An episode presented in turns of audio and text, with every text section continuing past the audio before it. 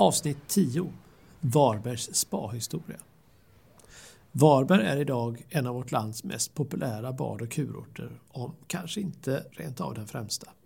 Vår historia såsom kurort är inte så värst gammal utan daterar sig till början av 1800-talet. År 1811 kommer de första sommargästerna till Varberg och inte då som för idag, för sol och bad, utan för att dricka brunn, umgås och spendera tid i skuggan. Det som då lockade tillresta sommargäster var den så kallade Svartekällan nere i Appelviken. Denna surbrunn innehöll ett järnhaltigt vatten som smakade ganska illa men ansågs ha undergörande egenskaper.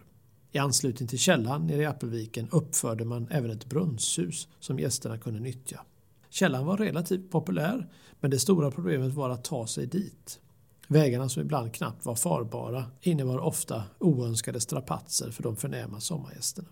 Inför sommaren 1837 insåg man att inmundigandet av Svartekällans vatten inte nödvändigtvis måste ske i Appelviken utan tanken på att flytta brunnshuset upp till stadens centrala delar väcktes.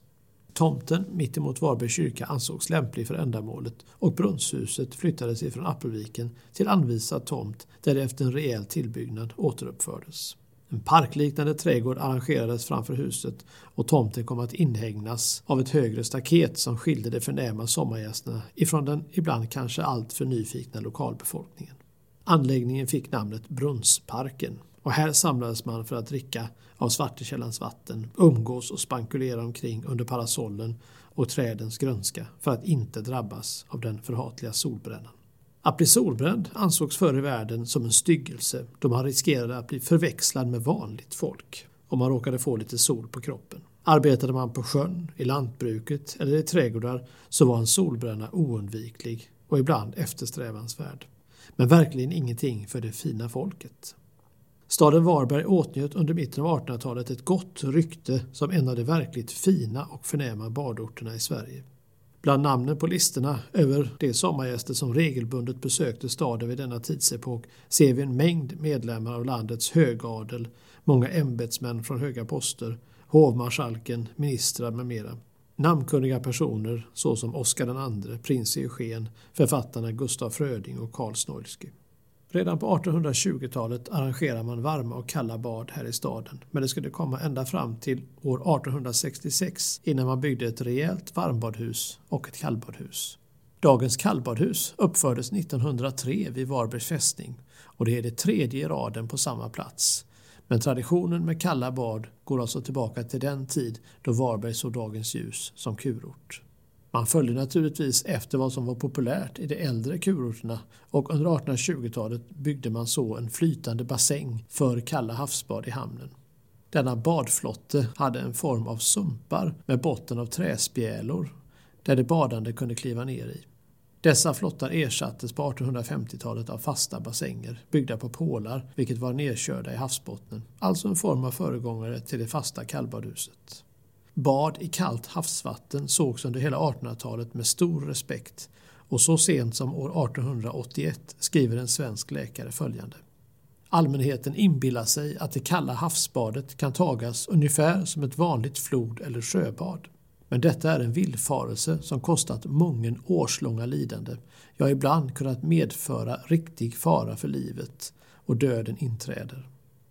Även här på området vid Varbergs kusthotell finns det ett riktigt fint kallbadhus och njutningen är fullkomlig när man efter en stund i den varma bastun får nedsänka sin lekamen i de salta böljorna. Men betänk då en annan läkares varnande ord ifrån förra sekelskiftet. Äldre personer och barn bör inte stanna mer än en till tre minuter i vattnet. Fullblodiga korpulenta individer kan däremot stanna upp till tio minuter i badet utan att fara för livet föreligger. Om det var med risk för livet man besökte kallbadhusen så var det inte lika riskfyllt att nyttja varmbadhusen och deras välgörande verksamhet. Det första lilla anspråkslösa varmbadhuset i Varberg innehöll fem badhytter i vilka man erbjöd bad i uppvärmt havsvatten. Sannolikt fick man som kurortsgäst i kurortens barndom sitta ner i ett laggat träkar vilket var fyllt med varmt vatten. Vidare utvecklades anläggningen med några duschar och slangar. Man blev masserad med lera, gyttja och tång. Och den sistnämnda så åtråvärd att det kallades för havets svarta guld. Hela tiden var det en ganska hård kamp med arbetet att ständigt förnya sig och vara en attraktiv badort. Uppförandet av det stora tekniskt fullrustade varmbadhuset 1866 hjälpte Varbergs popularitet såsom kurort ordentligt på traven.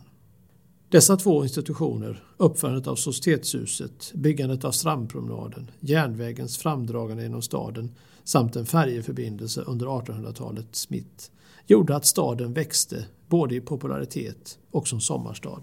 Under 1900-talet så har Varbergs kurorts roll som hälsoinrättning ändrats påtagligt och kurorten har idag kanske mer en prägel av rekreationscenter som komplement till den vanliga vården. Under 1900-talets mitt hade kurorten sitt centrum på Nya varmbadhuset vilket uppfördes 1925 invid Societetsparken. År 1982 beslutade man i Varberg att i större omfattning satsa på friskvård och dessutom erbjuda detta året om. Sannerligen en stor förändring för den gamla kurorten som ända sedan starten 1811 endast haft öppet sommartid. Denna satsning visade sig vara ett lyckokast och sedan 1992 finns den absolut största delen av Varbergs kurorts verksamhet nere i Appelviken. Hela denna fantastiska utveckling har gjort att Varberg idag för många är det självklara valet av plats för sin semestervistelse.